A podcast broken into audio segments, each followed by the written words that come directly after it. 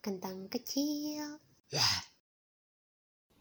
Episode 17 Belajar bahasa baru. So hmm, Ya semenjak WFH kan gue jadi gak ke mana-mana.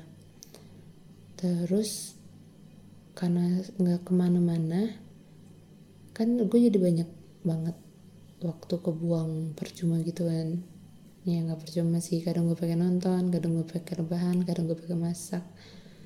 Kadang gue pakai buat overthinking gak jelas.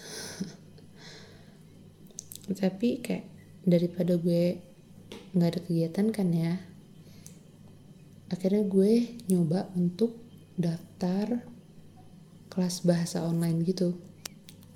Kelas bahasa pertama yang gue ambil itu bahasa isyarat.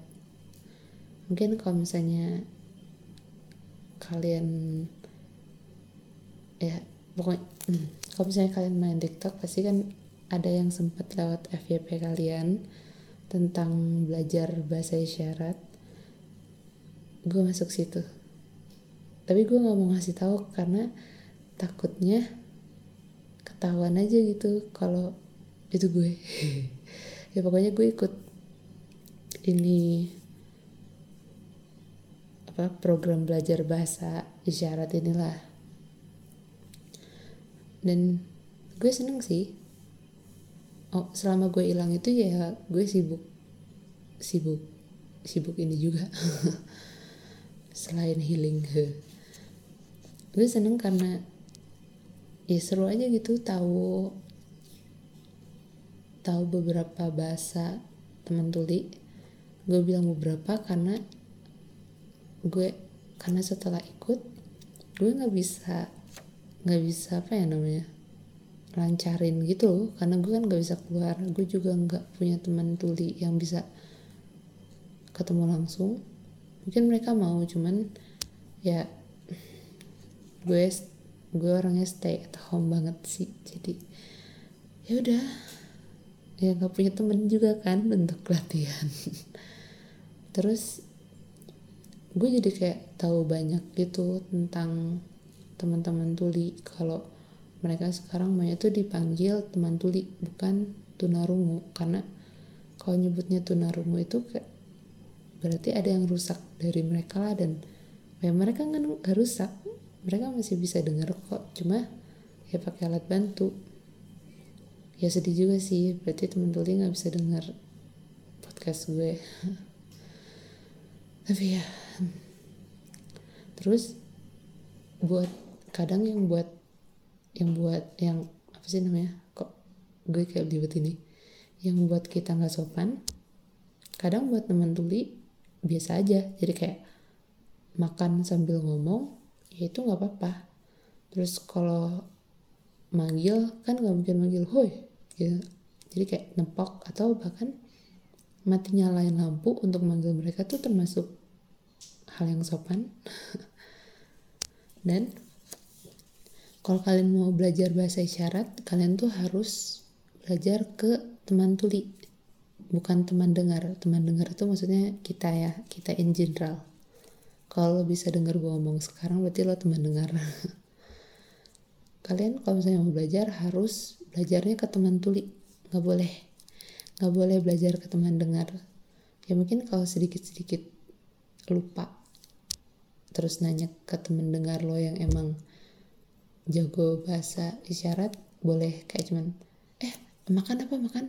Oh gitu. Udah. Cuman kalau belajar dari nol banget sampai jago kalian harus belajarnya ke temen tuli. Dan kayak kebuka banyak banget sih hal-hal baru gitu. Dan jujur gue nungguin banget karena gue jadi punya kenalan banyak. Mungkin gue nggak bisa sebut temen karena we're not that close tapi kita follow followan di Instagram terus sekedar sapa cuman kayak ngobrol dikit udah. Nggak yang temen temen. Tapi gue cukup seneng.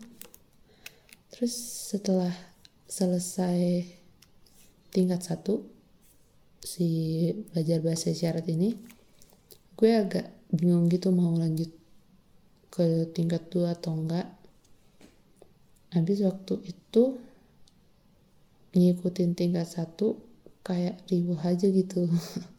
Walaupun seru ya jadi kayak kadang gue nggak bisa ikutan ngomong kadang gue izin. Terus mungkin kendala sama jamnya kali ya karena kan gue kerja di kantor yang ya apa itu jam kerja? Apalagi sama WFH ini kan kayak nggak nggak kayak nggak kelihatan nggak sih ada jam kerja atau enggak terus habis itu ya udah gue mutusin untuk nggak lanjut karena kan ya gue juga nggak punya temen untuk ngelancarin jadi bakal kayak hilang aja gitu. Tapi gue malah ikut program bahasa lain. Karena kan gue lagi ngikutin drama Korea banget kan. Jadi akhirnya uh, gue ikutan deh program bahasa Korea ini. Itu pun gue juga tahu dari Instagram sih. Sempet lewat aja gitu temen gue yang belajar juga di sini terus gue ikutan.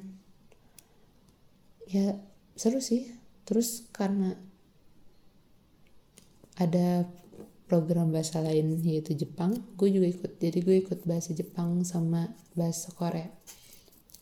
Kalau Jepang lebih ke nginget-nginget lagi sih. Soalnya kan waktu di SMA sama di kuliah gue dapat pelajaran itu.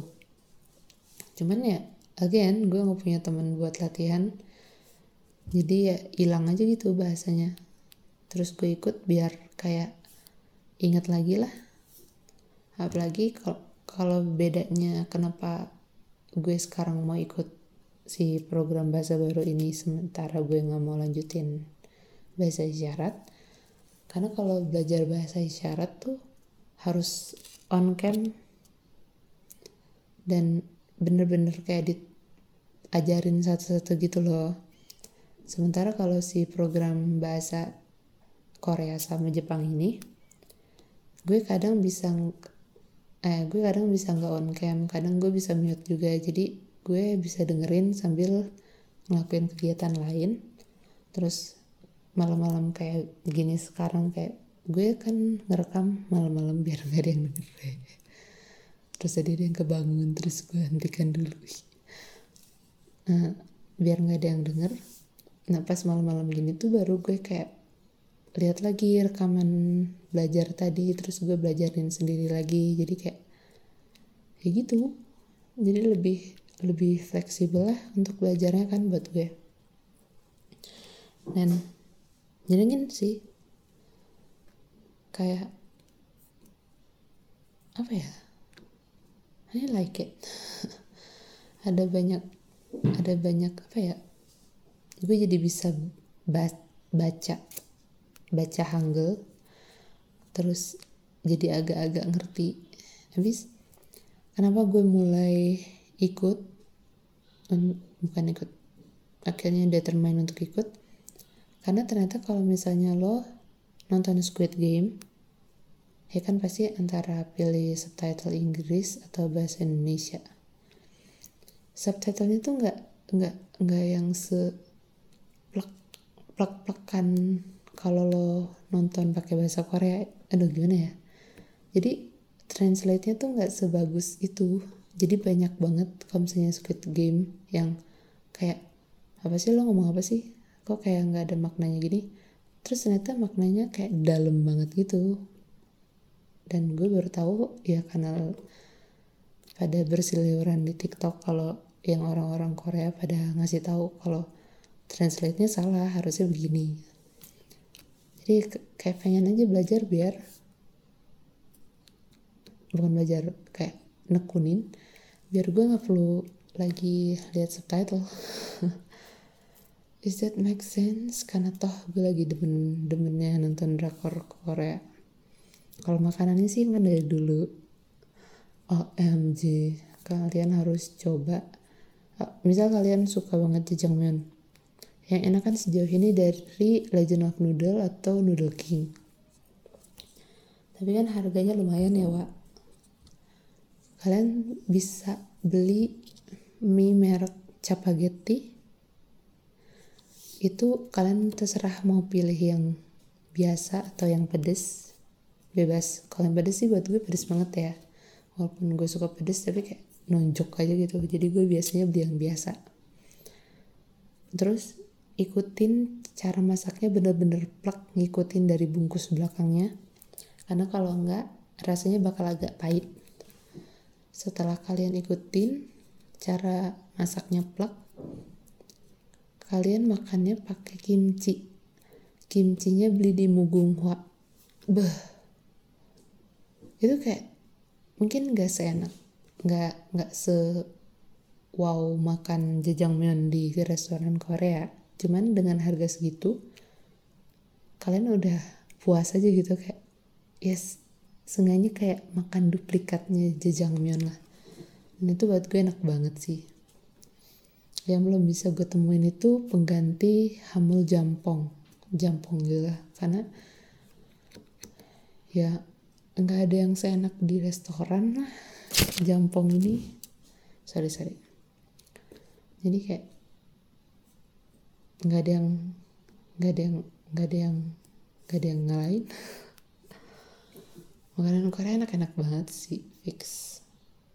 Oh semenjak stay at home ini kan juga gue jadi download TikTok terus jadi banyak banget resep-resep makanan aneh yang gue temuin.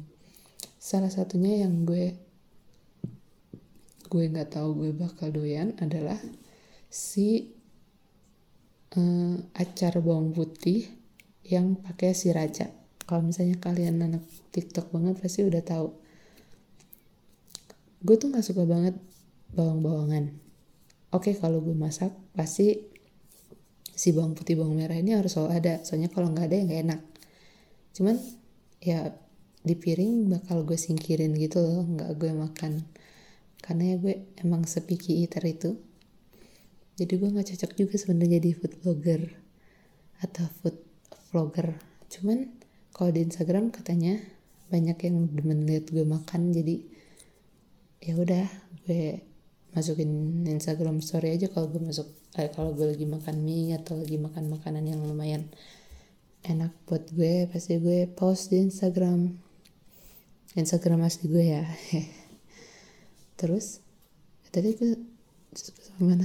Oh terus ada ini si resep bawang putih pakai sriracha terus pakai thyme sama bubuk cabe. Terus kayak ew what is that?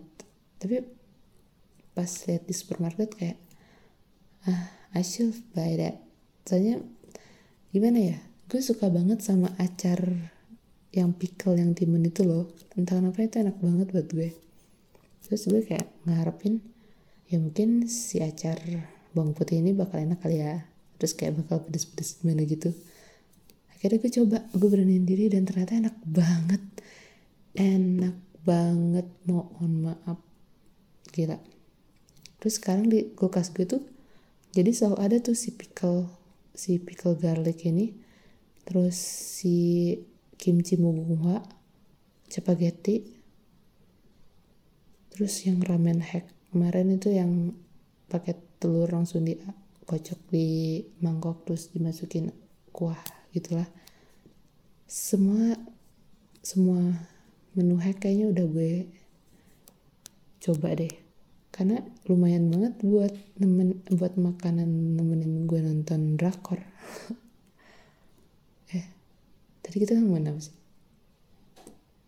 Ya udah dulu kali ya. Segitu dulu deh. Bye ini udah off belum sih kayaknya udah apa belum udah udah kayaknya